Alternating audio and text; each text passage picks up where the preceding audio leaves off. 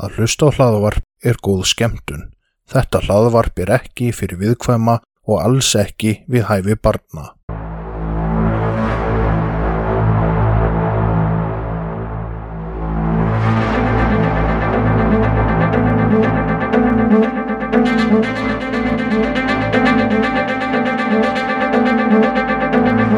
Þetta hlaðvarp er hluti af IK Network. Góða skemmtun. Komið að, við erum velkomin í hvað allir séð.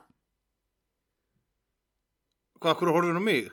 Ég sé alltaf miklu meira og held upp í smá stund, ekki bara... Ég held að þú ætlaði að eiga introið. Svo gerðist ekkert, þannig ég ákvað bara að hjálpa þér svo stað. Góðan og gleðilegan Hæsa Fem og velkomin í flunkunni að þátt af Hvað ætli sé að? Ég heiti Brynjar og er annar þáttastjórnandi og á móti mér sittur einn af yngstu mústangeigandur landsins á sínum tíma en það er hún Telma. Það er enda rétt, ég verður ekki að vera einn yngsti mústang eigandi landsins.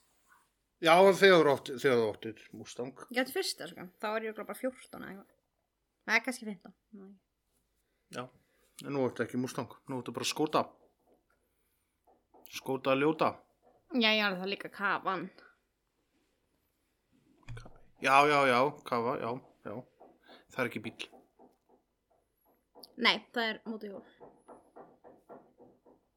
Hvað er í gangi alltaf í þessu húsi? Það eru telma, Já, uh, það er svolítið sem ég þarf að ræða við þig. En senustu daga hefur samtalið verið mjög virt. Nennir að hætta með hann umurlega frasa um að virka samtali. Þú ert bara búin að tala við eitthvað, þú hringdir í eitthvað og spurðir einhvern að einhverju. En við erum búin að vera að tala um þetta mikið í vinnu.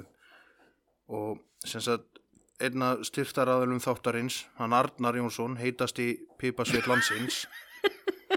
Arnar 04 á IG. Uh, hann er nefnilega var að pæla. Bítu, bítu, bítu, bítu.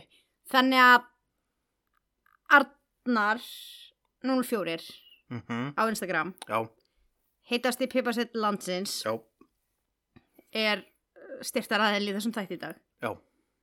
Ok, og er ykkur ákveðum markkópur hjá Arnari eða? Uh, uh, nei. Nei, það er ekkert konu frekar en kallar eða?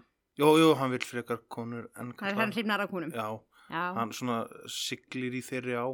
Erum við, erum við orðið svona, svona stefnum út að, Nei, út af því að ef ég fengi að koma, hann er blöður með spurningu dagsins á þig. er hann með spurningu dagsins? Já, út af því að, sko, út af samtalið var virt og við vorum mikið A- að tala a- a- um, hættu að segja virt samtal og þá skal ég svara þessu.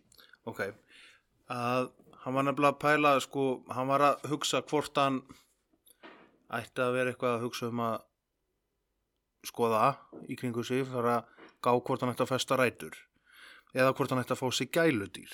Já. Umræðan var mjög mikið um það og hann var á báðum áttum. Hvernig gæludýr? Nei, það fylgir ekki sögunni. En nefnilega, Já. spurningin er þessi. Mm Af þeim fjórum karldýrum Já. sem eru á heimilinu þínu, Telma, Já. hvert af þeim myndur losa þig fyrst við? Ekki lurk. Aldrei lurk. Ok, Ég get ekki losa mig á barnið. nei, Nei. Hann er annarkort að, að eigin maður minn fjúki mhm, eða gæludýr batsins. já, Vilt að ég svara þessu? já. Já, Arnar villilega að þú svarið svo að hann var svo mikið að pæla í einmitt kona eða gæludýr hvort væri svona Ég myndi frekar vilja eiga gæludýr heldur en konu. En, en, Það er bara, bara svona ándjóks, þú veist. Þannig að, ég veit ekki, það er rosalega erfitt að gera upp á milli þín og mömmfordar, af því að, ok, ég ætla að það er ekki mömmford. sem að myndi fjúka Mm, já, eða, sko, akkurat núna, spurðu mig fyrramáli og þá er það líklega þú. Þegar fyrir að þrýfa skít út um allt skít út um allt þú skít út um allt í nótt Nei, Mumford. þá myndi ég ekki vilja eiga hann frekar Ég viltu eiga Mumford frekar en mig? Nei, sko Mumford fengi líklega að fjúka núna því það er líklega auðveldur að finna aðra kaninu heldur en ástina í lífi mínu sem að vill giftast mér og eitthvað svona. En, en í fyrramáli til dæmis, þegar þú ert bara búin að vera fokkpyrrandi og eitthvað, þá kannski myndi ég bara frekar vilja gefa þig. Ok, þannig að en, en þú verður bara að svara annarkvart, þú ert með svolítið loðið sko, það er bara annarkvort þá ég eða Mumford. Sko, ef að, ef að þú, nei það verða, uh, ok, sko, ég myndi frekar vilja gældir heldur en konu, en að því ég á ykkur nú þegar, þá færi mömförd en ekki þú. Ok, þannig að þá sérðu það, Arnar, og það hann átti spurninguna og því hinn, að maki getur verið mikilvægur en gæludýr. Já, en sko, það má líka alveg hafa í huga að mömförd fer ekkert í fílu eftir upptökuna, að því ég sagði hann. Nei, hann samt getur alveg fokað á því bara af því að þú ferðir hann að milli herbergja. hann fokkaði á þig að því þess að, já, fyrir þá sem að ekki eru fluent í kaninu body lingói þá þegar kanínur verða ógeðslega fúlar og pyrraðar út í mann þá hoppaður í burtu og sína manni svona alveg undir afturfætunar og það er svona bara fokkaður ömulugur og hérna þú fórst að keira með bönni bíó og Til hann að við getum fengið frill að taka við. Já, þetta er fyrir að kosta peninga þetta podcast. Herðu, en já, allavega, þá hérna fóst þú og hann lá bara með hausinn að lærin á mér og svaf og bara hafði ógisla næsina svo kemur þú og tekur hann og lokar hann inn í herbyggi til að taka upp þátt og hann var ekki sáttur. Nei. En þú ert búin að vera að vinna í einhverju svakalegu máli. Nú, er það? Já, ég vona það. Þú varst allavega búin að taka um þetta að væri eitthvað Pandora-bóks. Já, æ, mér fannst þetta eitthvað markilegt, sko. Ég, maður var svolítið bara að glema hvað það var. Ná, ok, þú bara slokka á. Nei, ok, herðu, jú, sko, ég festist í ormahólu döðans og svolítið mörgum vinklum út frá henni sem ég veit nú ekki alveg hvort við ætlum að tala um, en við ætlum samt að tala um hvarfið á Amy Lynn Bradley, við ætlum að byrja þar. Byrja þar, er það þá einhver upphafspunktur? Nei, í raunin ekki. En málið um Emilin Bradley er mjög áhugavert mál. Þetta er svona mál sem að ég heyrði fyrir lengum að gleymir því aldrei. Af því það er bara eitthvað eins og, það er svo creepy. Og því fór að skoða það, þá fór ég að finna fleiri mál sem verður líka fræg.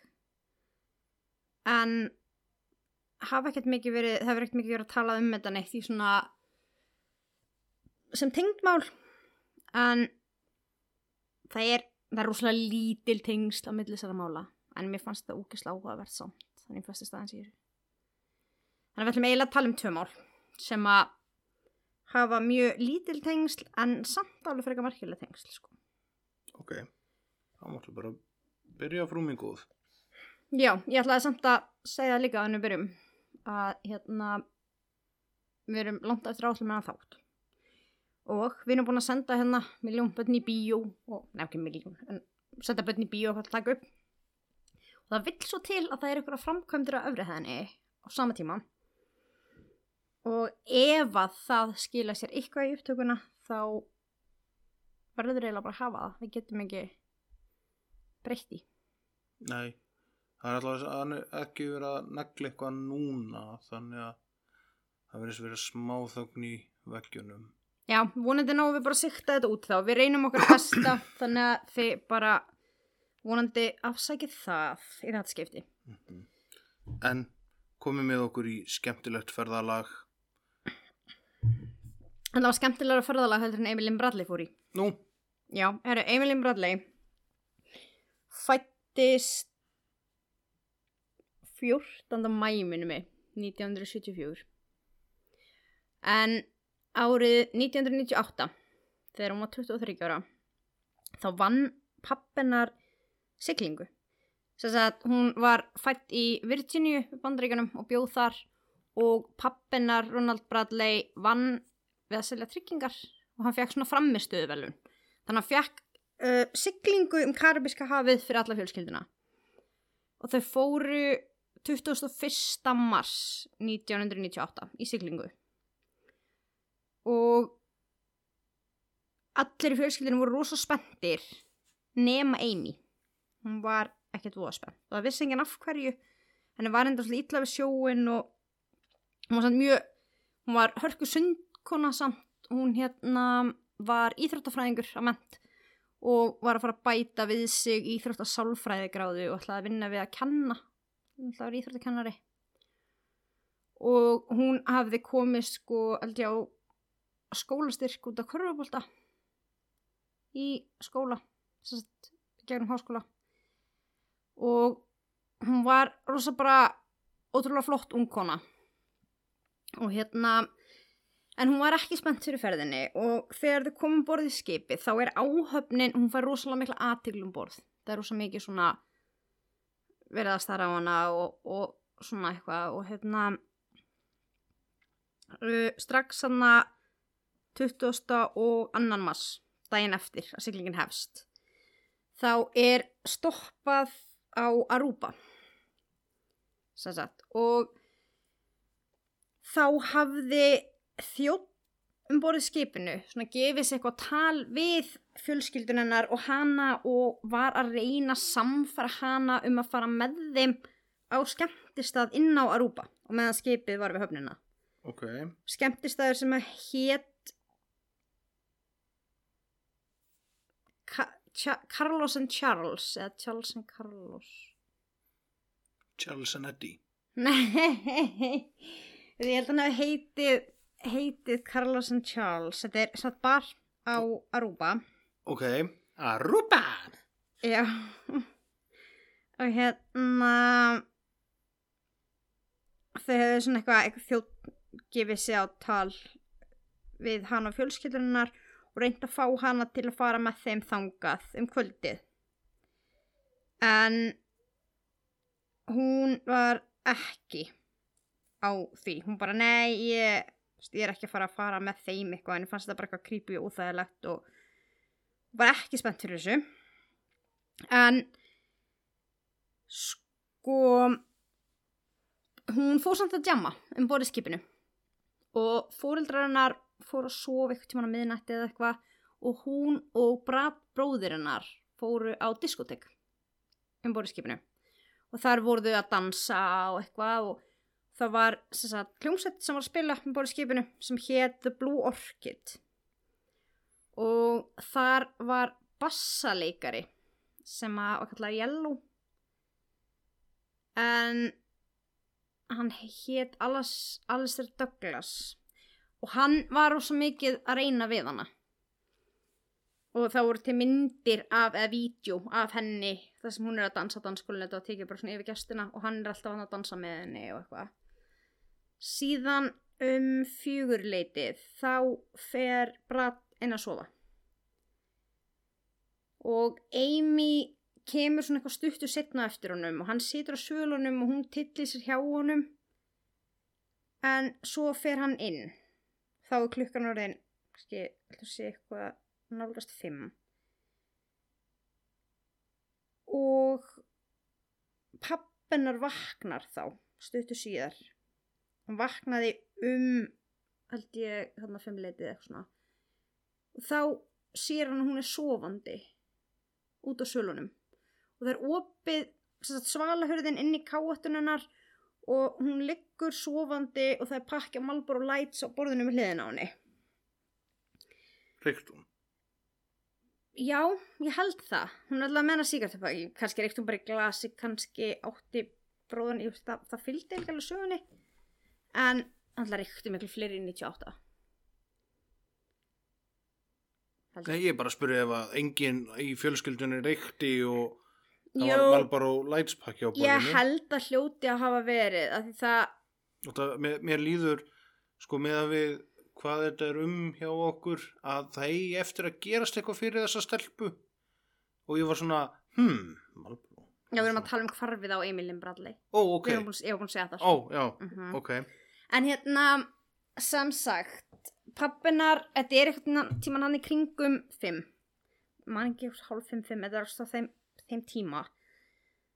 Þá, að vaknar hann og sér hana, en hann leggur sér síðan aftur bara hann í 20-30 mínútur eða eitthvað því að hann varst að vakna því að skipið átti að fara lenda á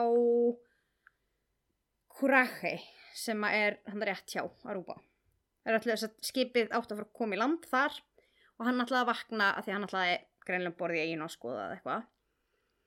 En skipið var ennþá ekki komið að landi og hann dotta eitthvað aðeins aftur og svo vaknar hann og þá er hún ekki þar.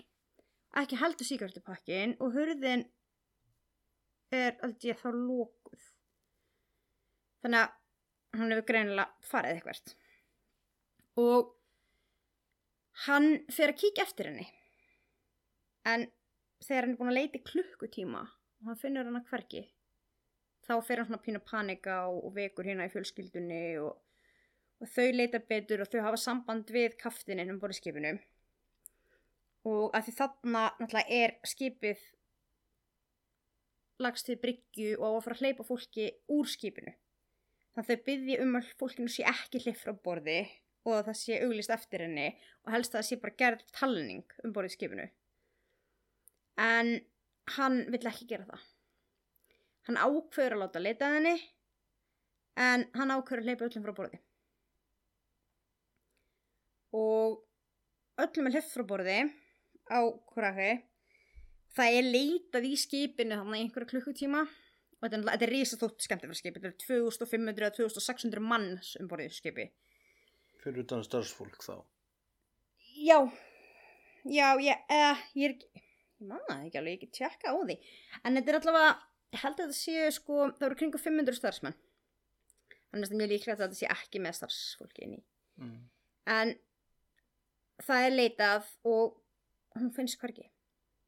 Þannig að þá er farið að spá í þeir vilja meina hún að við mögulega fram með sjálfsvík, falli fyrir borð, svona.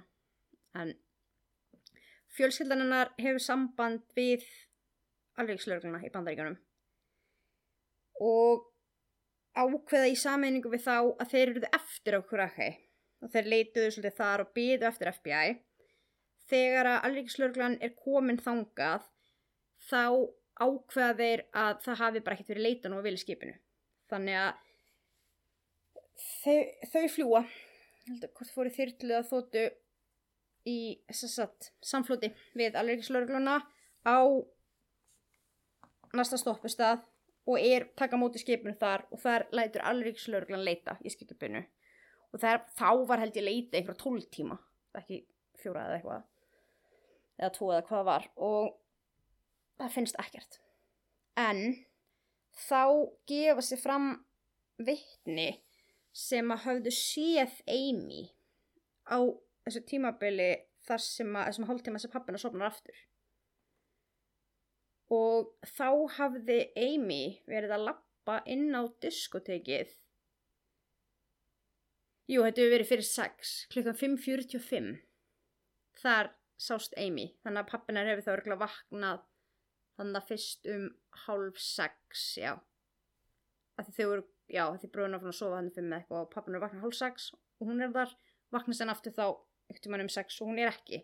Ekkert 5.45 hafði sérst til hennar lappa inn á diskoteki hennar stað með Alistair Douglas sem að var bassaleikari hljómsveitarinnar.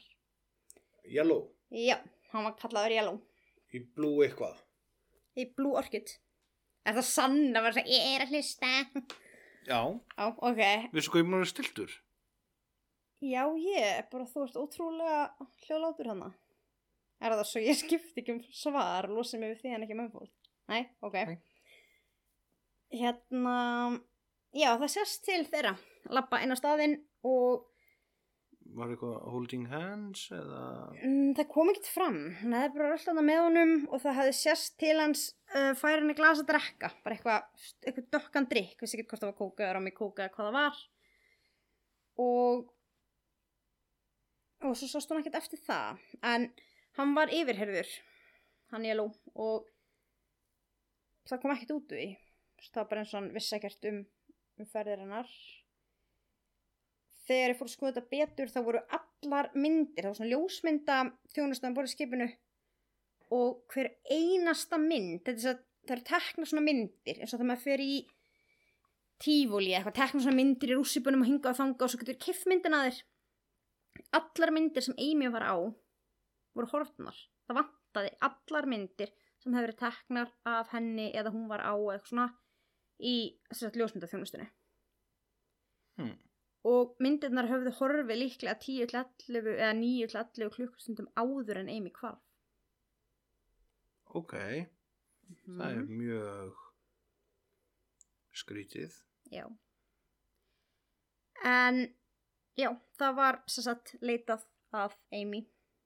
en var þá FBI bara búið að leita Já, það fór satt fram leit og það var leitað að henni á vegum FBI. Ég held að, sem sagt, öryggisteimi, skipstjórans tók einhverja þátt og fóreldrarna voru að leita. Og ég veit ekki nákvæmlega hvað alvegslörgna var lengi með fullur ég held að fjölskyldunar hafi samt alveg verið ákvara bara í mánu eða eitthvað hann að leita að henni. En hún fannst ekki og fjölskyldunar þurfti náttúrulega endanum að snúa heim og, og svoleiðis.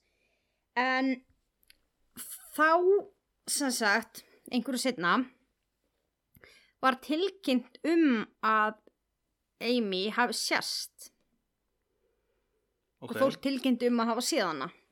Ok, og ég held að hafi fyrst sko verið talið í ágúst 98 þannig að hvað er fimm mánuðum eftir hún hverfur.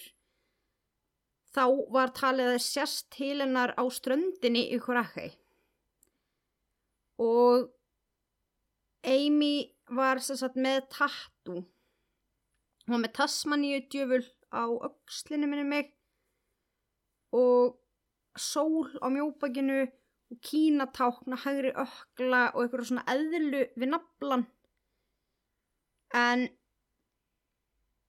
já, það var sem sagt sástilnar á ströndinni og þar er hún á gangi með tvei munnum og annar þeirra, lýsingin öðrum þeirra passar við Alistair Douglas. Yellow, bassalegaran ok. En sem sagt þetta er sagt, ferðamenn frá Kanada og sá hana og voru ekkert átt að sjá að þetta væri hún strax en hún sem sagt heyrir að þau eru að tala ennsku þannig að hún lappar upp að þeim og ætlar að gefa svo tal við mannin en þá kemur annar sem er með henni og svona hálf dreifur hann í burtu og horfir eitthvað svona ógnandi á þau. Og svo föttuðu eftir á þegar þau sáu sleitin að henni. Þetta var hún. Og tattúin, þau gætu sagt frá tattúinum alltaf passað allt sko. Og það var aðlega svo viðtal við mannin að ég sá aldrei tala við konu út af þessu en hann, Hann- já, þetta voru svo að tveir kanadískir túristar já, já, já, mann, já, í því pari ok, ekki Já, já, já. mannin hennar Amy, já, nei, ok. nei. En sem sagt, og hann sagði bara, þú veist, ég var tvö fett frá henni. Þú veist, ég bara, ég veit þetta var hún, bara ég er 100% viss ekki 95, ég er 100 tvö fett, hver er 60 cm já, hálfum metr, rúmlega. Og hann bara er fullviss um að það hafi verið hún. En setna meir þá var aftur tilkynntum að það sést til hennar. En þá var það liðsmaður í ameríska sjóhernum sem sagðist hafa séð Bradley á Vandishúsi árið 1999 og hann sagði hún hefði sagt honum að hún héti Amy Bradley og hefði grátbeðið hann um hjálp. Hann setur sem sagt þetta er mjög svona að því að vændi er löglegt þarna en þetta var eitthvað svona ólulegt vændishús þannig að hann átti rauninni ekkert að vera þarna já, hver er munurinn á löglegu vændishúsi og ólöglegu vændishúsi? Á Kurakei eða, Eh, Já. Þarna á eða- eyjunum? Eða skilur út af því að ef að löglegt vændishús en hann fer á ól, bara, já. sko, í Amsterdam, þar eru vandiskonum með stjættafélög. Þar eru skráðir starfsmenn uh og svo leiðis. En ef þú værir kannski með eitthvað mannsalsbatteri eða eitthvað, þá ertu alltaf skráð starfsfólkið. Þá hlýtur að vera með eitthvað ólögulega starfsemi. Og ég veit hvort þeir eru að bjóða betri verði eða eitthvað aðra þjónust, ég þekki það ekki. Já, þetta sé eitthvað svona mannsals.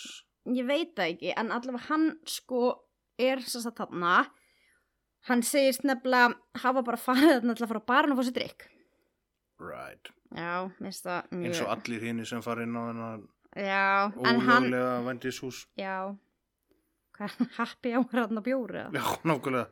Þrýr fyrir einn. en allavega þá hérna var hann að tala við mann og með manninum sann að hefði verið tvær stúlkur og já, þetta eru tveir menn og tvær stúlkur sem hann er að tala við og einn maður og einn stúlkan fari burtu eitthvað upp að vera hefðan eða eitthvað herbyggi eitthvað, ég veit það ekki. Ok. en hann situr enn þarna og annar maðurinn og stúlkan sem hann sagðist sem að hann sagði hafa verið Amy. Allt í einu þá er sagt maðurinn sem er þarna með þeim hann bregður sér eitthvað frá í eina mínútu. Og þá segir hún, ég heiti Amy. Hann reyndast að hún hefði heitið Amy Bradley með tí, ekki með tí Bradley. Ja, hann held hún hefði sagt það og hefði gripið hendina og beðið sér um hjálp. Og hann sagði þú skipið er hérna 5 metra niður göduna og ef þú kemur um borðið skipið og segir úr sitt bandarísku ríkisborgari þá farðu hjálp. Og hún sagði þú skilur ekki, ég get ekki úst, ég get það ekki. Og þá kemur kallin aftur og þá þagnar hún bara. Þannig að en þú veist hann sagði samt ekki frá þessu fyrir löngu setna og hann sagði nefnilega að hann hefði svo bara glimt þessu Hann hefur eitthvað glimt þessu eftir happy hourinn. Já, en hann myndi þetta einhverju setna, ég man ekki af hverju myndi þetta, hvort hann sá auðvist eftir henni eða eitthvað, en ég held að þetta sé eitthvað sem gleymir bara ekkert. Einhver stúlka grípur í hendina þær og segist að haldið gegn vilja sínum og grátbeðið um að hjálpa sér. Já, nei, ég held að maður myndi ekki. Heldur að þú myndi bara gleyma svona? Nei, æ, hún sagði þetta þannig í eitthvað ruggliðan á ólöglegu vændishúsi og ég bara tók ekki margt á, eh, mark á því og held bara áfram happy hour. Nei, ég er spákvært hann hafi ekki viljað segja frá því, þú veist, að því hann átti ekki að vera. Hann hefði óttast eitthvað afleikana fyrir sig, en ég meina, og hvað, ef hann hefði misti vinnuna, æst, veist, ég, ég er umulagt og allt það, en það er rosa slæmt samt að hann hafi ekki reynd að koma henni til hjálpar af því að þegar hann segir frá þessu einhverju setna, þá er þetta vændis úr sprunni niður. Þannig að það lit ekki til neins. Nei, Þannig að já, mér fannst það svolítið slemt að hann hafi ekki þarna bara eitthvað. og byrju, hvenar fór þessi á, á, ágæti maður á, á þar til gert ólöglegt pútnahús? Pútna, var ekki pútu hús síðast? pú, pú, pútuhús, jú.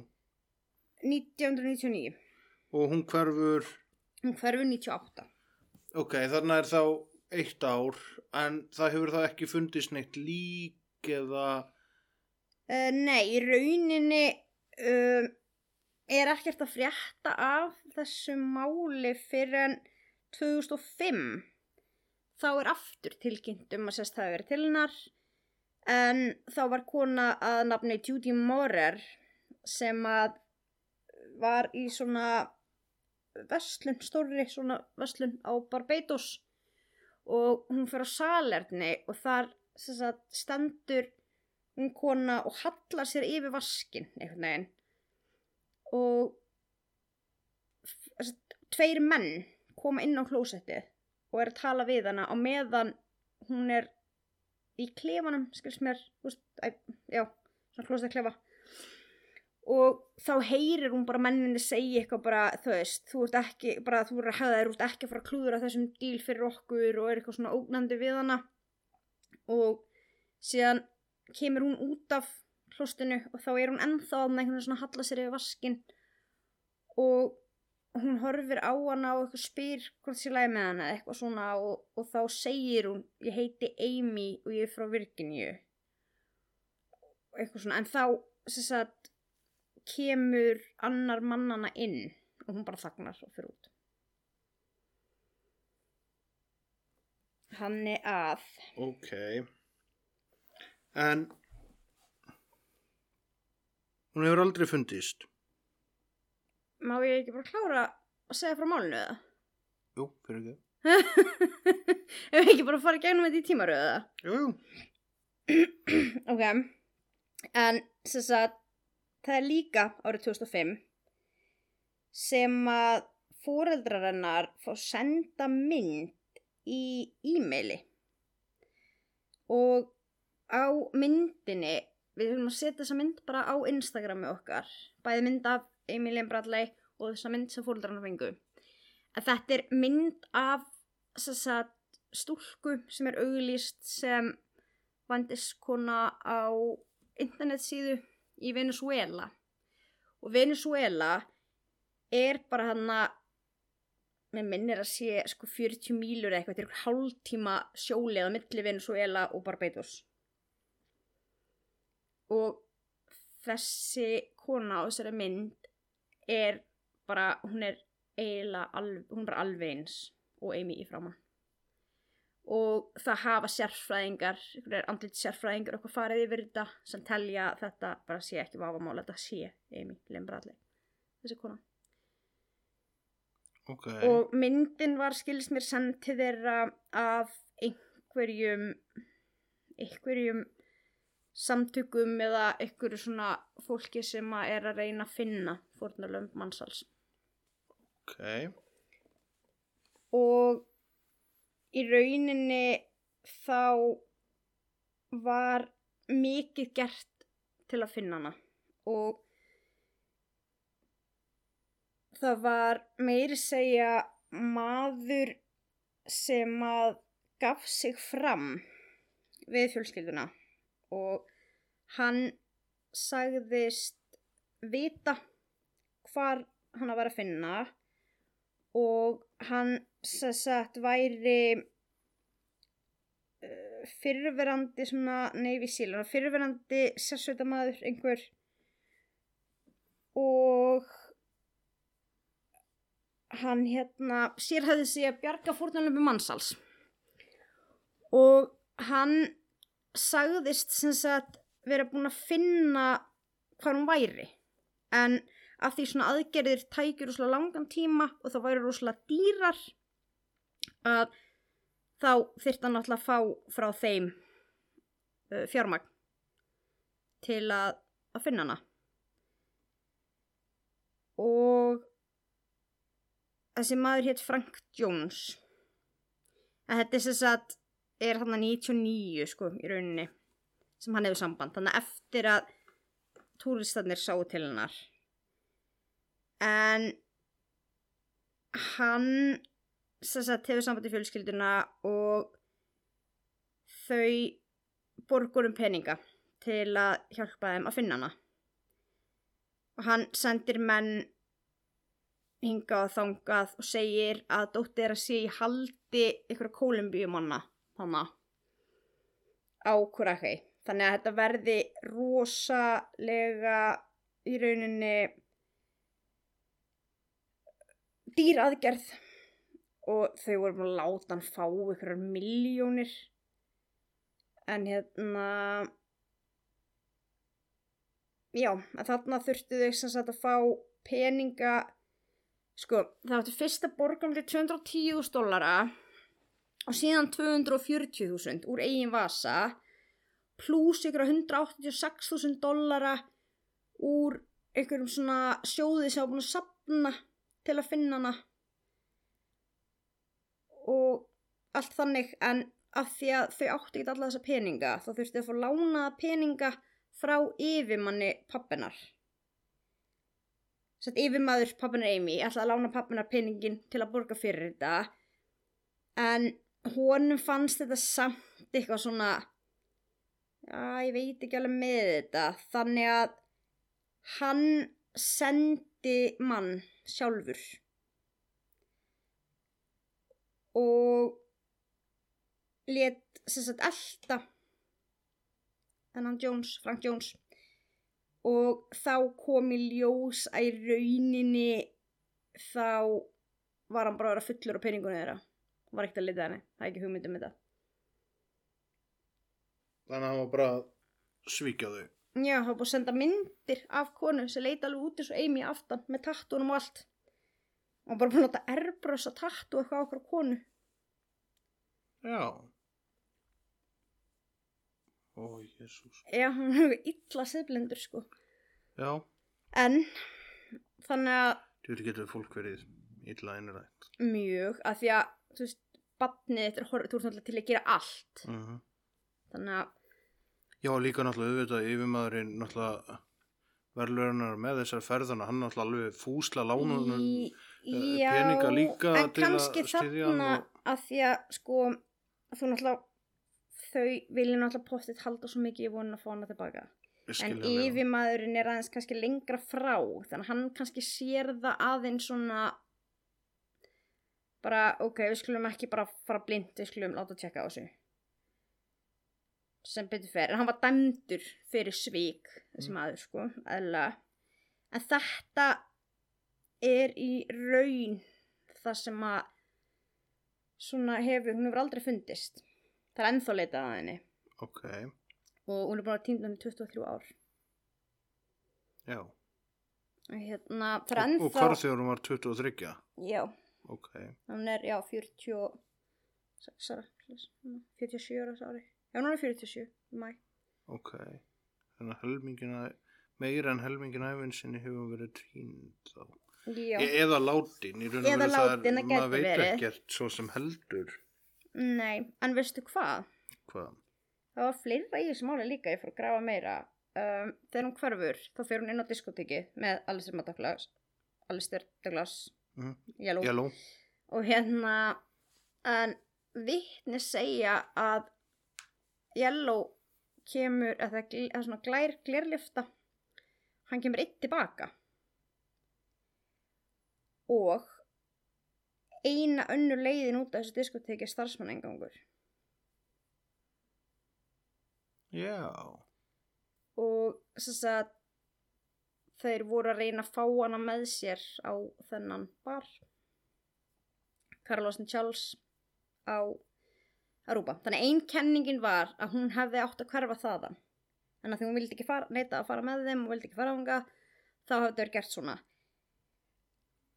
annað sem svona er mjög skrítin alltaf það hverfa hann að myndindar af henni frá borði og ljósmyndaþjónustunni Já, svo er náttúrulega það. Svo er öllum hleyft frá borði. Kaftið neytar að setja ekki niður landganginn og, og gera manntal áður. Og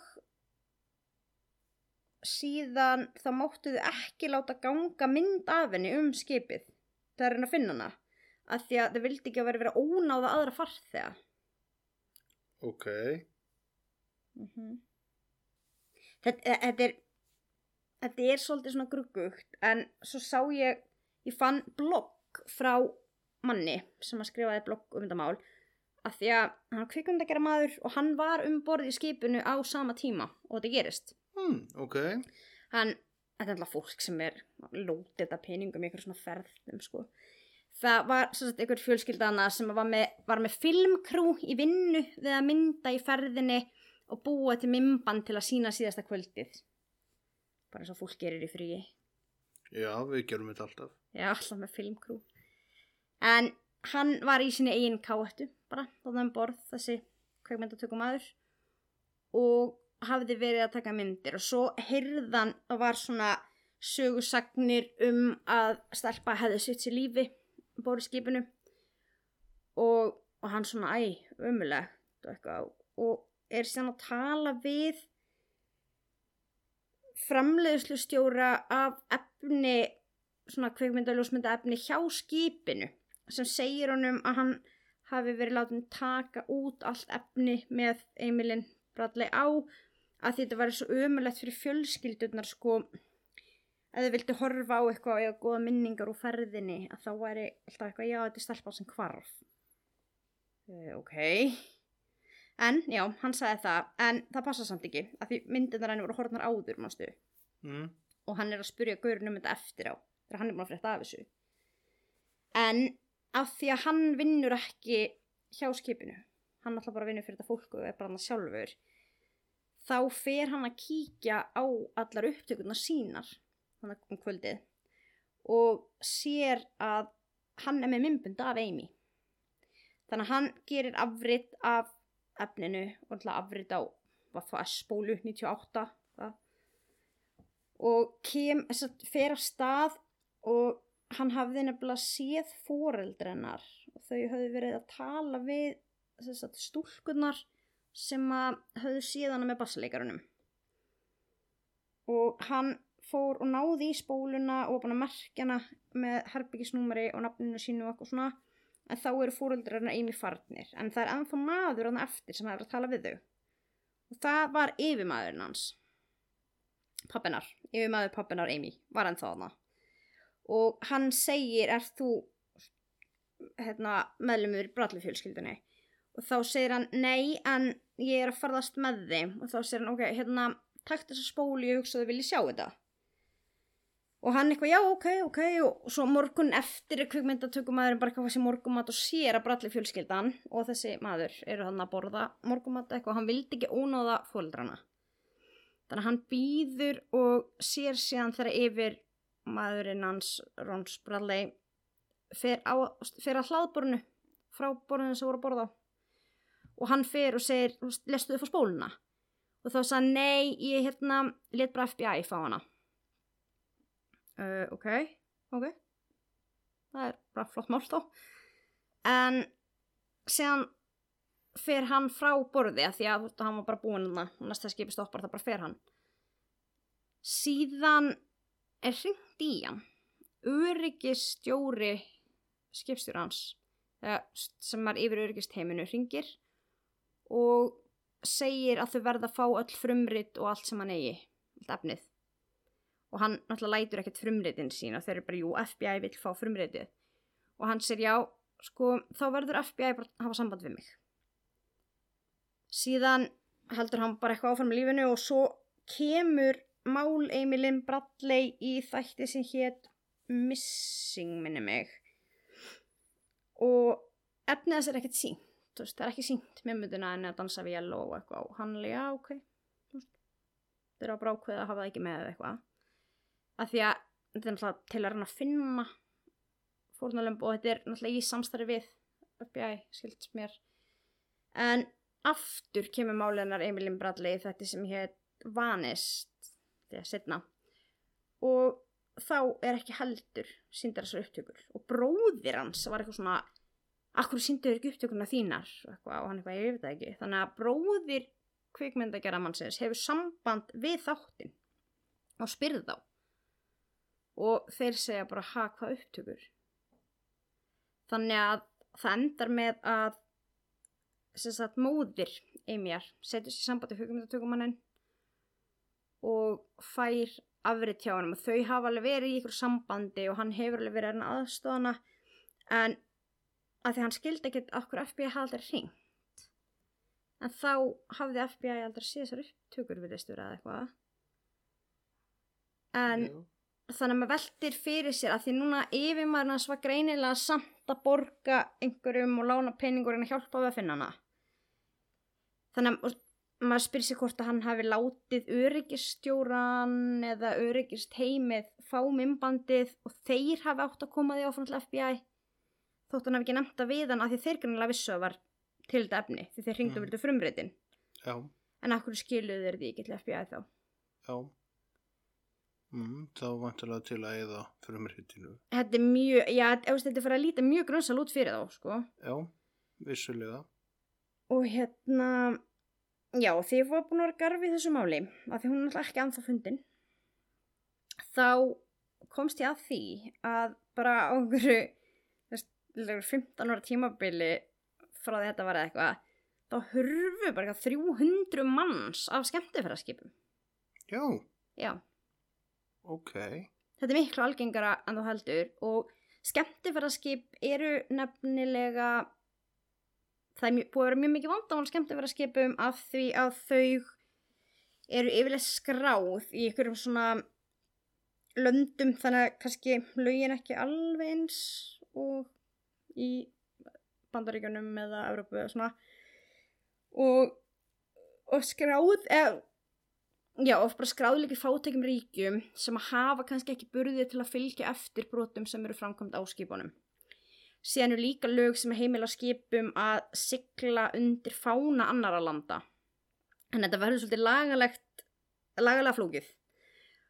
Og það er engin löguruglum borð. Þú veist, þú ert bara út á opnu ha, alþjóðulegu hafi. Þannig að það hefur alveg bara, það er, það er rosalega há glæpatíðnum borðið skemmtifæraskipum Er það? já, herri heldur en í, í bara meðal borgum Já. mikið um nöðganir og jafnvel barnanýð og bara alls konar viðbjóð. En í staðin fyrir að reyna að gera eitthvað í því þá skilst mér að skemmtifærða skipin, eða fyrirtæki sem gera út skemmtifærðarskipin hafi bara meira verið að auglýsa þetta sem meira family friendly og eitthvað að reyna að fá þannig kuna meira. En mér sýnist samt á öllu sem ég verið að lesa um að þau séu meira bara svona lokka hænur í minkabúr Já, ok, er það málið? það er máli það er, er há glæpatíðni og mikið um og sérstaklega kynferðisbrot Ef, ef maður pælir í því út af þetta er náttúrulega eins og þú segir, þetta verður svo mikið, það verður náttúrulega ekki inn, kannski undir neinni lögsögun innstæðar. mhm Það Og verður á lög, vitnin- löglösu svæði í raun og veru. Já, vittnin er náttúrulega oft döðdrukkin og oft er verið að bjóða upp ykkur barnapassanir það sem er bara eitthvað fólk sem passar börnin og meðan fóreldrarnar allir eru okkur út að skemmta sér og börnin er pössuð það bara sofandi í káettunum sínum og þetta er mjög, já, Já, Þetta er- þetta er, já, skrítið. já, ég ætlaði svolítið mikið að tala um þetta. Og ég ætlaði að tala líka um annað mál en kannski sagt bara stuttlega kannski frá því. Ástæðan fyrir ég fór svona mikið að skoða með skemmtifæraskipin var að það var annað mál setna það sem að stúlka sétt Rebecca Curran Curran Curran Rebecca Curran. Já, allavega hún hvarf líka á skipi. Rebecca Curran hún hvarf af Disney skipi. Hún var, að, hún var frá Breitlandi fekk starf sem svona hún var sem sagt að passa börn á Disney skipi og hvarf þaðan. Og hún hvarf af eina blinda staðnum það náðist ekki mynd af henni. Þess að hún var akkurat á milli virkandi mynda lagt hún hvarf. Og hún hefur ekki fundist heldur. Þannig að þetta er þetta er svolítið mikið vandamál og líka það er, bara, það er mjög mikið vist um bara hálfgert mannsal og þrælahald á starfsfólki á skemmtifæraskipum Já, er það málið? Já, af því að þau eru ráðin í gegnum fyrirtæki. Sko, það er kannski fyrirtæki til dæmis í Breitlandi til dæmis sem ræður einhvern einstakling fyrir skip sem er skráð á eitthvað og þeir rukka þig um fyrir ráðninguna. Þú ert að borga þeim hluta laununuðinum og svo kannski færði ekkert sömu yfirvinnuna sömu laun eða að því að oft er þetta þannig að þeir segja þú veist, já við kannski tökum launin þín pluss 5% eða eitthvað en þú fara alltaf svo mikið þjórfi það er alltaf lægi og eitthvað. Þannig að fólk endar kannski með að skulda ef að skipin eru sem kannski hálf tóm eða er ekki sem ekki vinna eða eitthvað. Og þú skuldaði ráðningafyrirtækinu peninga. Þannig að þau get ekki hægt og eru kannski bara að vinna ekki hvað marga tíma á sólarring og það er alveg dæmi um að það var ein þannig sem var endur ekki það var ekki þetta saman fyrirtæki, það var annars skipa fyrirtæki en hún var frá Kúbu og hún til dæmis stakk af frá borði og svo skipi sem starfsmæður af því að hún hafði verið sérst kynferðislega misnótuð um borð í skipinu líka og allt annað ok. Þannig að alltaf ef að fólk ætlar í svona siglingu þá hvet ég það til að kynna sér bara svona fyrirtækið og allt í kringum þetta. Af því þetta er, þetta virðist oft geta verið frekar ljótt dæmi. En hérna, og þá sérstaklega bitnar þetta náttúrulega yfirleitt að fólki frá mjög fátökum löndum með fá atvinnutækifæri. Fólki frá Venezuela og svoleiðis. Já, maður hefði ekki ímyndað sér þetta, sko. Nei, þetta, þetta er mjög langt frá þeirri ímynd sem að maður hafði af skemmtifæra Ég er líka út að maður hefði haldið að vera líka svolítið erfitt að fá starfsfólk á svona skemmt yfir að Já, en Þannig að þurftir örgulega svona ná eitthvað neginn að trýta það til að fá það til að vera það nátt að hafi svona lengi eitthvað. svo náttúrulega oft líka veist, mikil drikja, með 500 starfsmenn, það er náttúrulega bara hvað 1,4 ammali á dag eða eitthvað af starfsfólki, þá er alltaf einhver ammali hana. Já, Nei, álur ég held að minn er að það var eitthvað sem reiknaði út að starffræðilega formúlan væri, þú veist, 1,39 eða 1,4 ammali á dag eða eitthvað, 1,4 ammali á dag. Þannig að það er náttúrulega rosalega mikil drikja oft, kannski hjá þeim sem vinna sko svona þjónar og svoleiðis en síðan og það eru náttúrulega yfirleitt fólk sem er kannski með herra mentunastig, fólk frá vestrætni löndum oft talar nokkuð tungumál, kannski allt þetta. En þetta er rosa oft fólk frá mjög fátöku löndum sem að vinnur sko svo sagt, hvað segir maður? Þetta er náttúrulega ekki ekki, beint- já, segir maður niður í lest í svona skipi. Uh Er það? Já, það vinnur sem sagt við að bara skræla græmmiti og þú veist, allt þetta. Það er það fólk sem er illa að fara með og er illa start. Já, eru nú verkafólkið. Já. Mm. Uh, og það, þú veist, það hoppar ekki frá borðið. Þú veist, hvað það þarf að fara heim, Mm. hvað það að gera, þú veist. Og já, og oft er líka náttúrulega þannig að þeir sem eru með að reyka skipin, þeir geima vegabriðin þeirra. Mm. að því þetta er yfirlega þannig að þeir vilja ekki að fólk sé bara ráða sér í vinnu til að fara með til staða þannig að þú veist það er eitthvað samningu þú mátt ekki fara frá borði þú veist alla siglingun eitthvað svona þannig að þeir eru með vegabrifið þitt þú skulda peninga og ert að vinna endalust þetta er þrælkun. Í rauninni er þetta bara mannsal Mm. að hérna. Að það er að lesa sér mikið til um þetta og ég hef alveg getað að tala um þetta heilan þátt. En þá var annað sem ég fann. Af því að það er annað mál mannkvarsmál frá Barbados sem er mjög, mjög frækt mál og það er hvarfið á Natalie Holloway. En hún hvarf frá Barbados árið 2005 það var 18 ára. Hún var nefnilega ekki í siglingu. Ok, hún var hún var 18 ára gömul hún var frá Alabama minni mörgla hún var, Sweet home að- ég held Alabama. örglega já, hún er frá Alabama.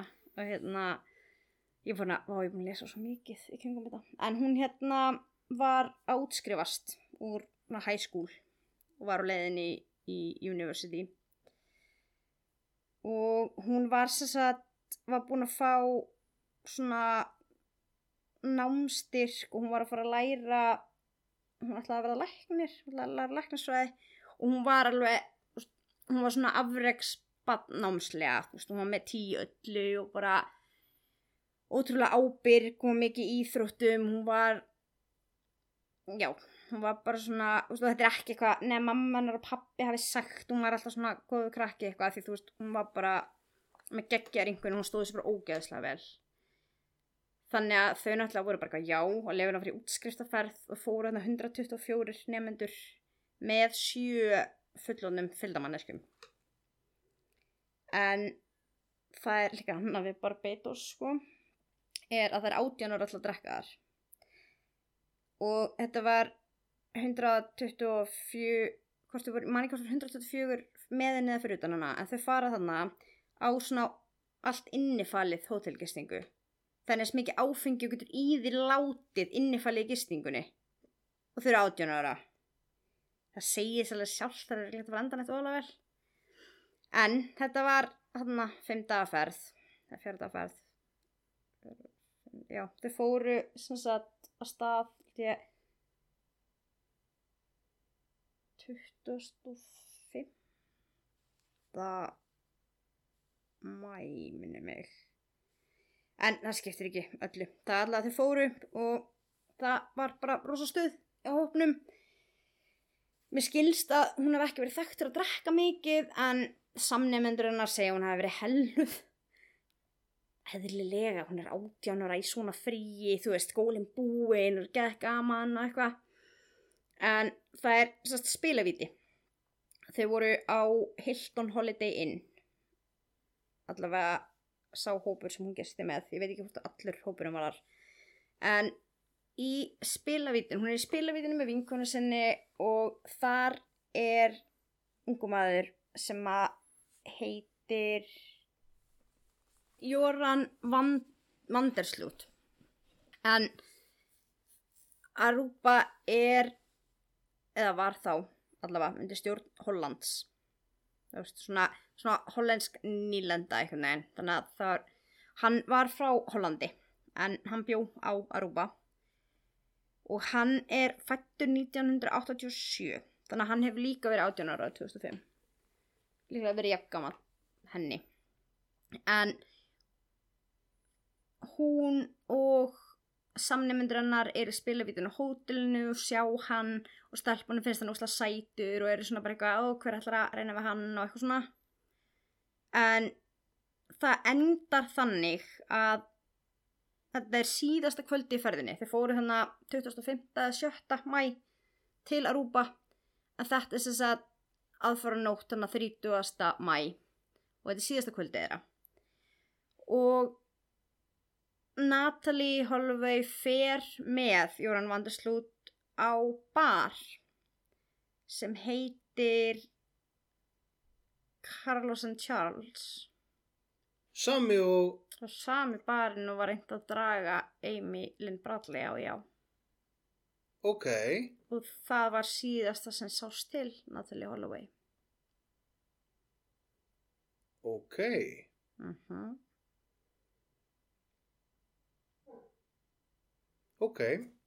sko hann Tilviljun.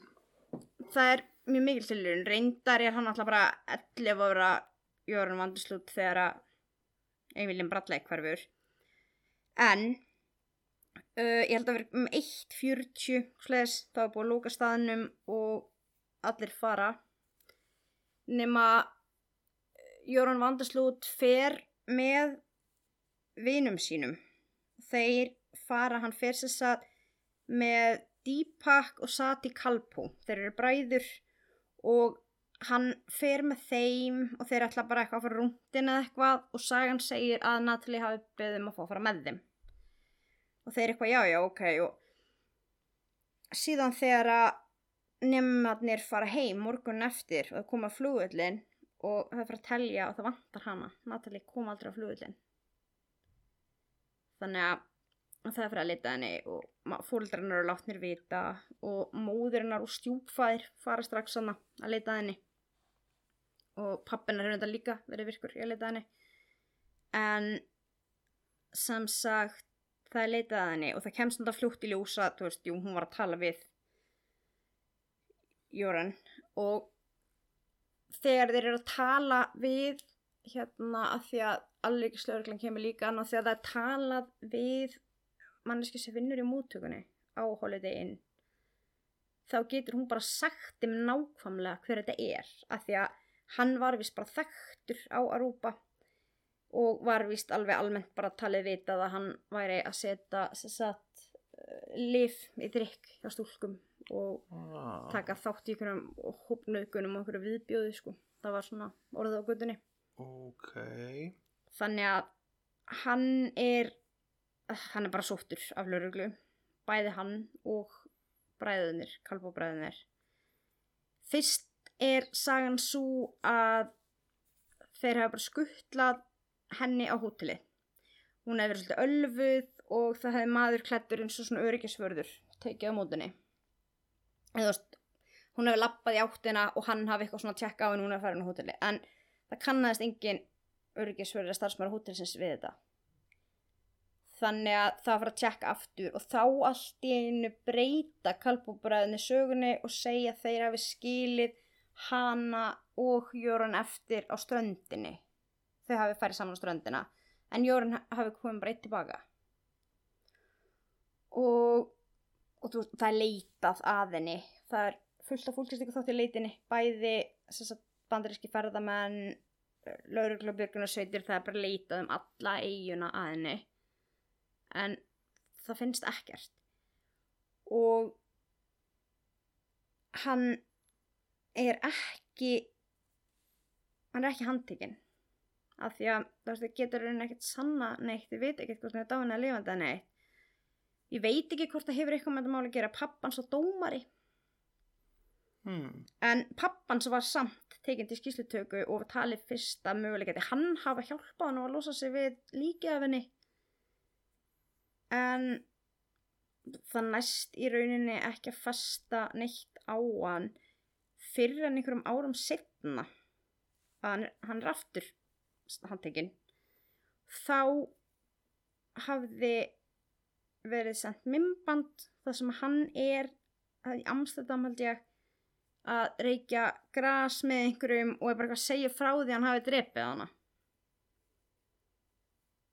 En þá segir hann alltaf ég var bara að ljúa Já, þannig að uh, hann segir bara mismunandi sögur. sagan hans breytist hraðar en íslenskt veður eiginlega bara.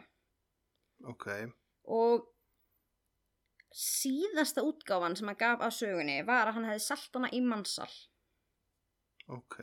að hann hafi verið þess að það hefði bara menn eitthvað nálgast hann og sagt að þeir vildu fá ljósarða stúlku og hann hafi ekkert verið að velta fyrir sér til hvers.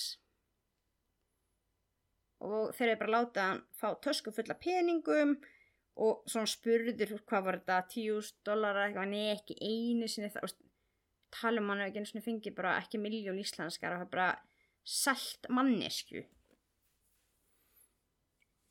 Er samt að selja eitthvað sem hann á ekki þú getur ekki þú Nei. veist þetta er, þetta er er þetta fáralegt orð þegar pælir í mannsal út af því að það selja eitthvað sem átt ekki. En það er bara út úr úr. Uh, Já, en allavega, þú veist, og honum finnist það bara svona, já, ég, ég hafa ekki eins og miljón og já, e- þetta er sk- skelfilegt að hlusta við til við hann, það að fletta þeim upp, en hann segir að hann hafi farið með hann á ströndina og það hafi menn tekið við henni þar og farið með henni í bát. En hérna, og svo hann spurði, þú veist, var hún ekkert skelkuð, bara, veist, hún var rosa full og ég var búin að segja henni við ætlum að bát og svo kallaði hún bara eitthvað í mig þegar þú veist, þau fóru náttúrulega því ég fór ekki í bátinn, þú veist, hún fór undan mér og eitthvað svona, þetta, þetta var allt, þetta, þetta hljómaði svona sem var að lýsa því að hafa farið í lautaferð, þannig að segja frá þessu. Og hann, sko, hagnaðist fullt á þessu að því að hann gátt bók og hann hefði fengið greitt til að mæti viðtöl og tala um þetta.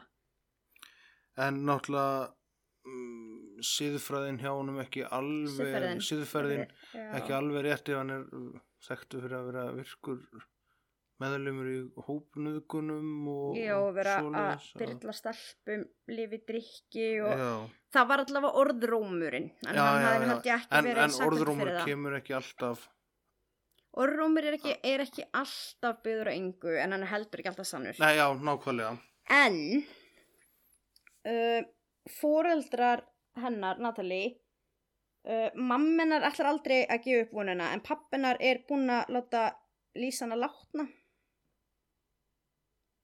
Ok, og hann er bara vissum að hún hafi verið drepin. en er ykkur ástæði fyrir því að hann er alveg viss um það? Á hún hafi verið myrt. Já, Ég veit það ekki alveg, kannski að það er að trúa þið eitthvað, ég veit ekki, en það er samt alveg, setna kemur síðan sem stiður þetta að því að 2010, það er 3. júni 2010, þá er Joran Vanderslut handtekinn í Tíle fyrir morð á Stefani Flores sem að var stúdent frá Peru og hann er handtekinn Paldið þessu, hann er handtekinn fyrir að hafa myrtana fimm árum setna upp á dag eða 30. mæ 2010. Natalia Holloway hvar 30. mæ 2005. Hvað er rúglega tilviljun samt? Já, uh, veit ekki, Ég, hann, ég trúði ekki svona glæpamaður sem að felur Nei, bara glæp í 31. Já, en- mæ. 30. mæ, nei, en það er samt svolítið fyndin tilviljun. Hann tvís já. og sinnum sá síðasti sem sér ykkur að önnur er horfinu henni látin sama dag. En hann viðurkendi morð á henni. Hann, sagt, líkið fannst á hótelherbyggi og hann var þá farin, hann tekið í Tíli og var sen í haldi í Lím, Líma í Perú. En hann sagðist það myrtana af því að hún hafi farið í fartölun hans og séð eitthvað sem hún átti ekki að sjá sem tengdist uh, Natalie Holloway málunu en þú veist hann er sjálfur eitthvað svona hann var út af Natalie Holloway málunu muniði Já, já. hann er alltaf bara að fá fullt af peningu fyrir við tölum að hagnast úkslega mikið á því að vera svona líklegur sagborningur í því máli. En hérna hann fekk 28 ára fangelsistóm Mhm, og situr inni ennþá í Peru Ok.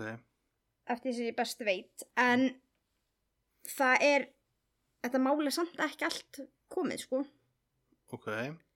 því að það, sko árið 2007 þá var pappi Natalie Holloway að gera ykkur svona heimildamindum hvarfið á henni með svona private detective og þá sagt, hafði sett sér samband við þá maður sem að hétt Kristoffer Ludvig.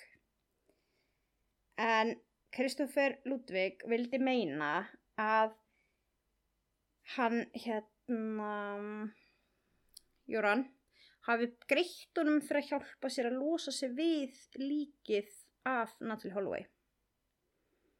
Og hann já þetta var sem sagt 2017 fyrir ekki, sagði ekki 2007 Man ekki. Nei, 2017, já, er þessi heimildamend gerð. Og þá kemur Kristoffer Ludvig fram með þetta. En hann segist hafa fengið ykkur 1500 eurur eða eitthvað fyrir þetta. Og hann saði sko að þeir eru grafið hana upp það sem hann hefði verið. Og verið að brenna líkið þú veist að þeir hefðu verið að þetta er svo, er svo ógslegt ég er að reyna einhvern veginn að segja þetta fallega að þeir voru basically bara svona að merja beinin, þú veist, bara svona kremja þau og þú veist, svona eðilegja bara eins mikið þannig að veri veist, og brenna þetta og þú veist, reyna bara svona að losa sig við þannig að sem miklu leitu þau gátu.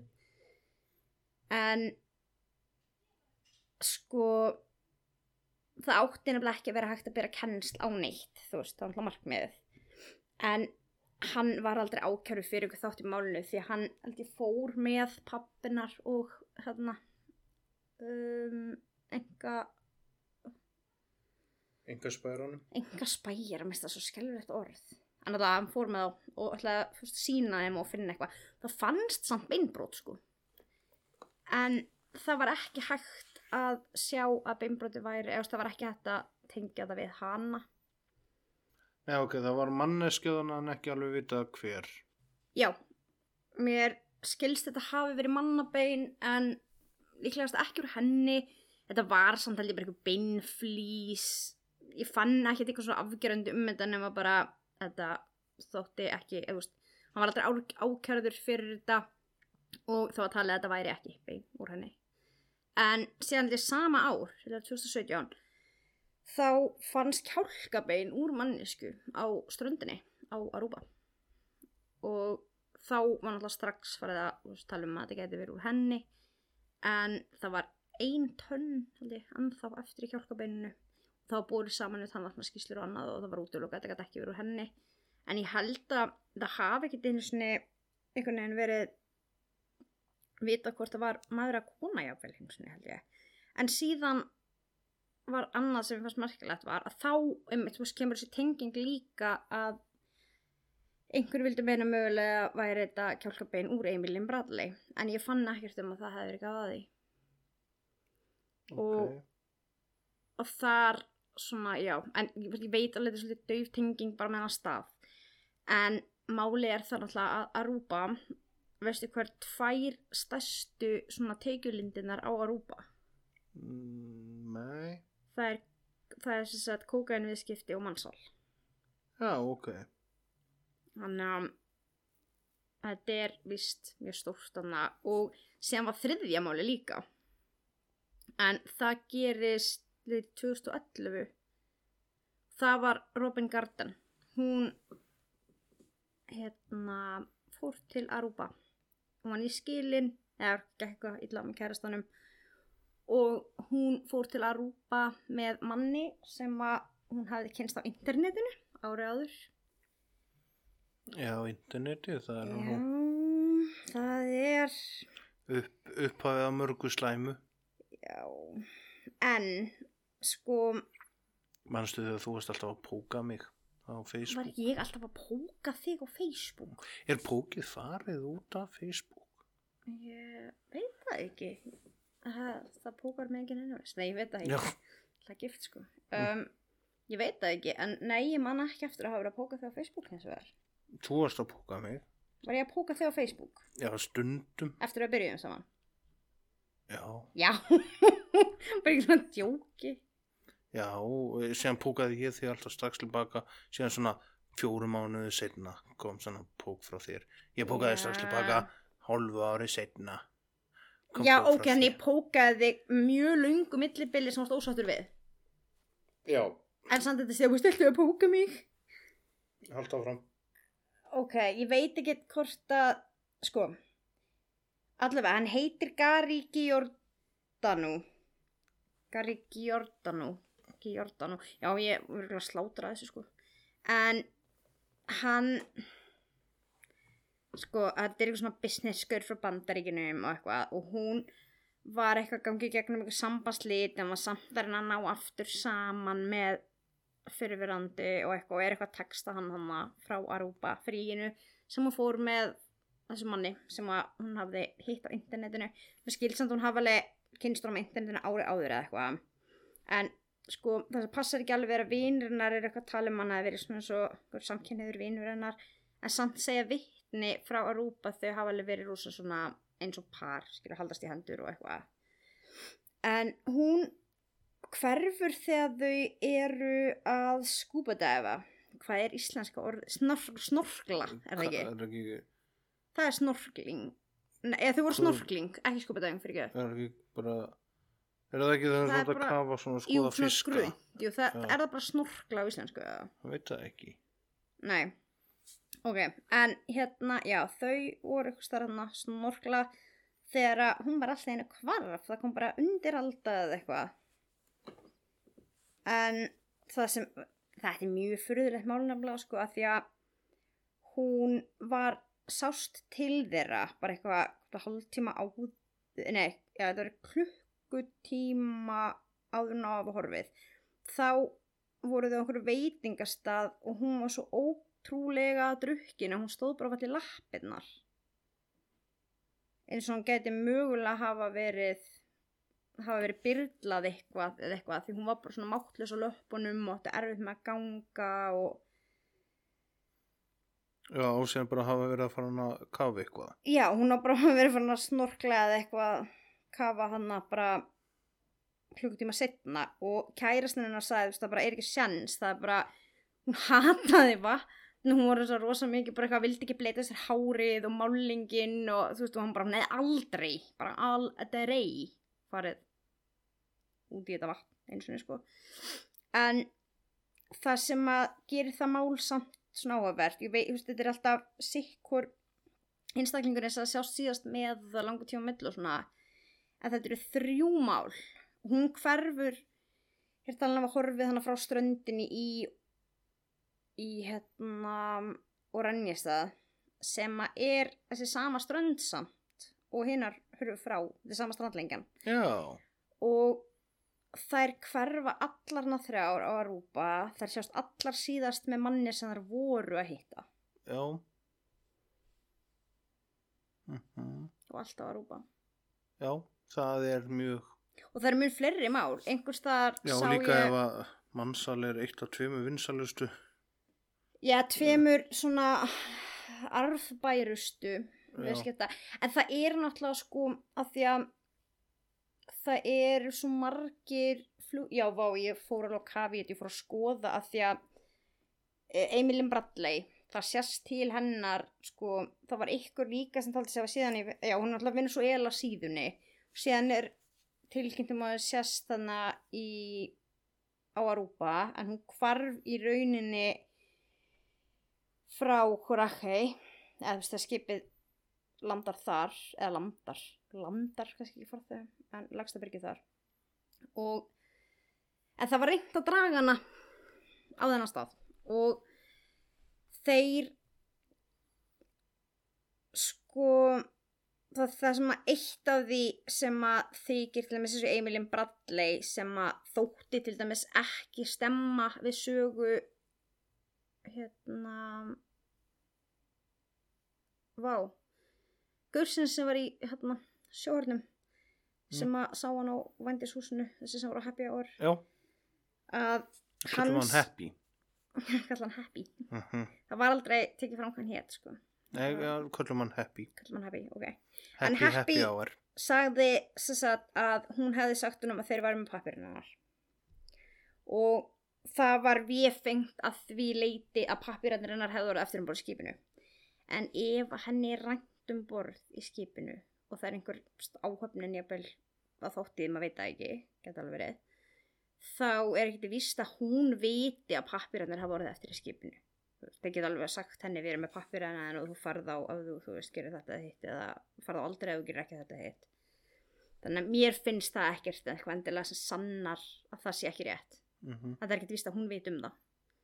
Nei, hún náttúrulega veit ekkert um það. nei, og þú veist og svo verið að tala um, fórum að pæla hvernig eru það flytjun á milli. En það er, til dæmis skils mér í Venezuela og mörgum stöðum eru gamlir svona litli flugullir í ykkurum þorpum og eitthvað alls konar það sem að það er bara handverkskráning það er ekki tölvukerfið að neitt mm. Sérstaklega þessum tíma, þetta er 98 þannig að það er auðvelt hjá þeim ofta að komast fram hjá svona rafrænu eftirliti. Og svo eru svona á, þetta er svona, svona fljótandi bændamarkaður sem myndast þannig á milli oft svona staða. Þau koma oft með báta sem eru hlaðinir að grammeti og alls konar og fólk er að hoppa um borð og kaupa og þú veist, þeir leggja þeim oft í svona röðum og eitthvað. Og það er náttúrulega alveg mögulegt að það sé hægt að fela fólki í þessum bátum. Það verðist ekki vera neitt eftirlit svona eitthvað með því Mm. þannig að þetta er og ströndin hann að staðurinn sem að Robin Gardner hverfur á er akkurat staður sem að er mikið notaður til að sem sagt, þau sigla bátur með flóttafólk frá Venezuela sem syndir þar í land Já, þannig að það er eitthvað svona greinlega lítið fylst með þar þeir eru að nota þann stað mikið já, ok. Þannig er svona, og þetta eru allt svona ungar og svo fallegar konur eða stelpur og þetta er svona mér finnst þetta mjög creepy. Já, já, já. þannig að já, ég er eiginlega bara búin að vera svolítið föst í þessu þannig að þetta er kannski svolítið svona pakkaður þáttur af ég hefði náttúrulega geta verið föst í þessu viku ég hef bótt öruglega Mm, já, en já, tilbaka samt að einu. Hann hérna Kristoffer Ludvig ég glemt að segja frá því Já. en hann var aldrei ákæður fyrir að hafa hjálpað henni að losa sig við hjálpað Jóran að losa sig við líkið hann var myrtur síðan, nokkrum áru setna ok. en hann var stungið til bana af konu þegar hann reyndi að ræna henni í bandaríunum Ok, Mm. Þetta er svolítið mikið af svona fyrðulegum vinklum í þessum málum. En ég held ég sé svona nokkurn veginn búin að taka þetta saman en þá fyrir að pæli spurningi frá Arnari. já, Af því að ég fekk náttúrulega ekki vita hvernig gæludýr. nei, bara, hann, bara, Já, en- en- saði gælu dýr. En ég mæli með því sko að fá sér hund af því að náttúrulega stærsta svarið við spurningunni var aldrei lurkur. Já, Aldrei lurkur. Þannig að ég... en ég... hvort myndur, já, hann ætti frekar að fá sér, kaupa lurk heldur en að fá sér konu. Kaupa lurk. Lurkur fast ekki seldur. Aldrei. Þú mynd aldrei losa þig við lurk, þannig að þá hlýtur hann þurfa að fá sér lurk. uh, hann þarf að fá sér lurk ekki minn lurk Já, ok. en nei, ég, hundar eru góður félagskapur, ég hef farið yfir um í COVID ef ég hefði ekki átt hund, þú þurftir að fyrir vinnuna lurkur var alltaf heima hjá mér á meðan ég lærði Uh, Telma, fréttahorn. Herðu já viltu taka frétt á þetta líka? Já, ok, við skulum gera það. Ok. það eru fréttir af mjög mikilvægu máli sem allir þekkja. Núna. Ok. glænja fréttir. Með þessi að mál sem að ég skrifaði eitthvað um á yllverk tók alveg langa færslu um það mannstu hvað mál það var? Mm, Hérna, norski, hérna, nei, ekki sænski sænski, hérna, Sture Bergvól. nei, ég var nefnilega búin að liggja mikið yfir Jeffrey Epstein málunu Já, og það eru nefnilega fréttir af því máli ok. En hérna máli var að Epstein, hann mannstu fekk svona slappa úliðin dóm einu sinni Mm. að sko hann játaði á sig brot og fekk eitthvað veist, 13 mánuði á einhverju svona það sem maður mátti saman mæti í vinnu veist, þetta var ekki einu svona afplánin beint. En gegn því að hann myndi játa þá sagt, skrifaði hann undir að saksóknari skrifaði undir samning árið 2008 sem sagt, þess eðlis að allir aðrir í málinu veist, fengi eitthvað svona friðhelgi þú veist, það var bara hann og eitthvað og Ghislaine Maxwell er búin að vera að reyna, láta reyna á þetta að hún sé með friðhelgi út af þessum samningi sem hann gerir 2008 en það er búið að vísa því frá hún fær ekki friðhelgi, hún verður saksótt Ok. Já. Já, ok. þannig að það er rosalega stóra frétti fyrir mér að það Ghislaine Maxwell fær ekki eitthvað undan þáu Mm Það er, já, var svona í dag um, kannski það sem að svona frægast í fréttum sem ég var búin að grafa upp frétt líka af öðru máli, svona viðbjóðsmáli en það er R. Kelly málið R. Kelly tónlistamæður, veistu ekki hvað er? Nei. Nei, ok En, hvað tónlist, ha? Hvað tónlista þetta er svona R&B Kallar það kona. þetta er kallmaður en hérna ok, ég nenni ekki alveg að fara út í allt um hann, en hann er sem sagt á yfirhauðið sér eða það er verið að ákæra hann fyrir að nota umbúðsmenn og hérna bodyguard, svona lífverði Mm. Og starfsfólk til að hjálpa honum að verða sér út um stelpur undir lögaldri til að hafa kemferðslegt samneiti við þess að hann sagði annað snókislegt mál veist, þetta er, Já, já, já. þetta er svona í anda Epstein Mhm. en það sem er að frétta því máli er að nú eru lögfræðingandir hans að reyna að láta þess að strika út vittnesburð varðandi herpes sýkingu er Kellys. Já, að því að sko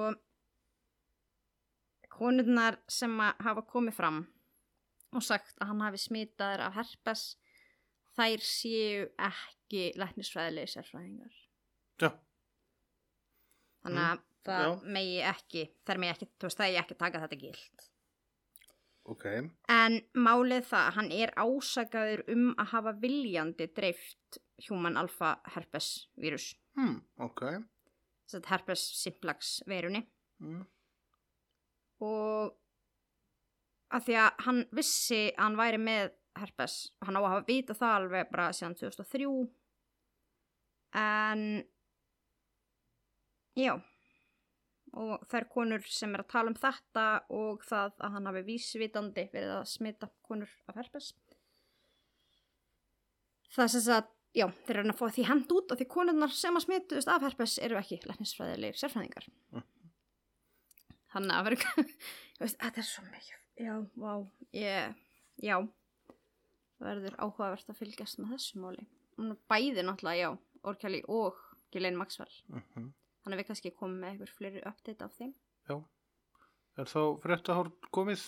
Mm, Já, þetta er svona það sem er helst í fréttum og er ekkert að segja frá í stuttu máli. Svona. Ok, herru, ég er að frika út, ég er búin að sitja svo stiltur og hljóður og, og, og ekki búin að trubla neitt og svoleiðis. þetta var náttúrulega mjög langu þáttur og kom mjög seint að því að þetta var bara svo mikið efni og skildum, ég skildi jafn mikið eftir sem við rættum ekki eins og það sem við sagði þið frá. Já, en getur við fara að hætta þessu svo ég geti farið að, Verða með ATHD. nei, bara standa upp og tegja úr mér og lesa bók eða eitthvað. Þetta að fara að lesa bók. Já, Nei, þú ert að fara að hoppa um stofun og spila ukulele. nei, en uh, farið á Everslun, kaupið ykkur afgema, Já, herðu, Everslun er ennþá með leikin í gangi þar sem er alltaf að draga út og gefa vespu rafgeima. mm like, share og eitthvað, bla bla bla, bla bla bla, förstu dagur, Má vonandi ég þá, já. Klára. Já, Þeir eru sem sagt Everslun með hennar leik í gangi og það þarf að taka einhver í postin inn á Facebook síðu Everslun. Hlustendur hvað allir sé að, eru með 10% afslátt og að þið vilja kaupa, geima. Og til að fara í potni líka þarf að læka og séra. Um, spurning dagsins var í bóði Arnar04 á Instagram. Arnar Jónsson, já, Arnar Jónsson, sko. Við glemdum samt að taka eitt, eitt með hennar reikning. Ég veit úr þannig óþörlumöður. En uh, það er líka hægt að fara náttúrulega millivegin. Því við erum búin að komast að því að Mumford, hann, hann dregur að sér hvern fólk. Ég vil segja Arnar fyrir mér hérna tattu veraðan á hlýra bólu stuppið eitthvað svona með sólgliruðun og derúðuna með svona kanínu í bandi út að lappa. Það hann- vantar bara svona lægið hérna What a man, what a man. Ég er náttúrulega með risakaninu, ekki venjulega kaninu. Þú veist, það er, það er byrjað að rækta Flemish Giants á Íslandi. Það getur verið með svona risakaninu með sér. Eða, eða hund. Ég, ég segi hund. En þetta er option að því þá geta hann, að því það er sko hægt að eiga konu og gæludýr. Eitt þarf ekki út að loka annað. Hann vildi meina það, sko, hann var svona, var að tjekka á því, sko. En þú átt konu og reynir að standi því að lámarka gæludýr eign samt. Já, já, en, en hann var að mynda þess að spurðan, hann vildi tjekka á því hvað kona myndi velja. Já. Ok, ég vil allavega lurk frá mig úr allt. Já, svo Gunnar og svo mig. Ég verð að velja batnið mitt fyrst. Já. Komið, Já, óstu mín. ok. Herru, takk fyrir okkur. Takk fyrir fyrir. að hlusta. Bye.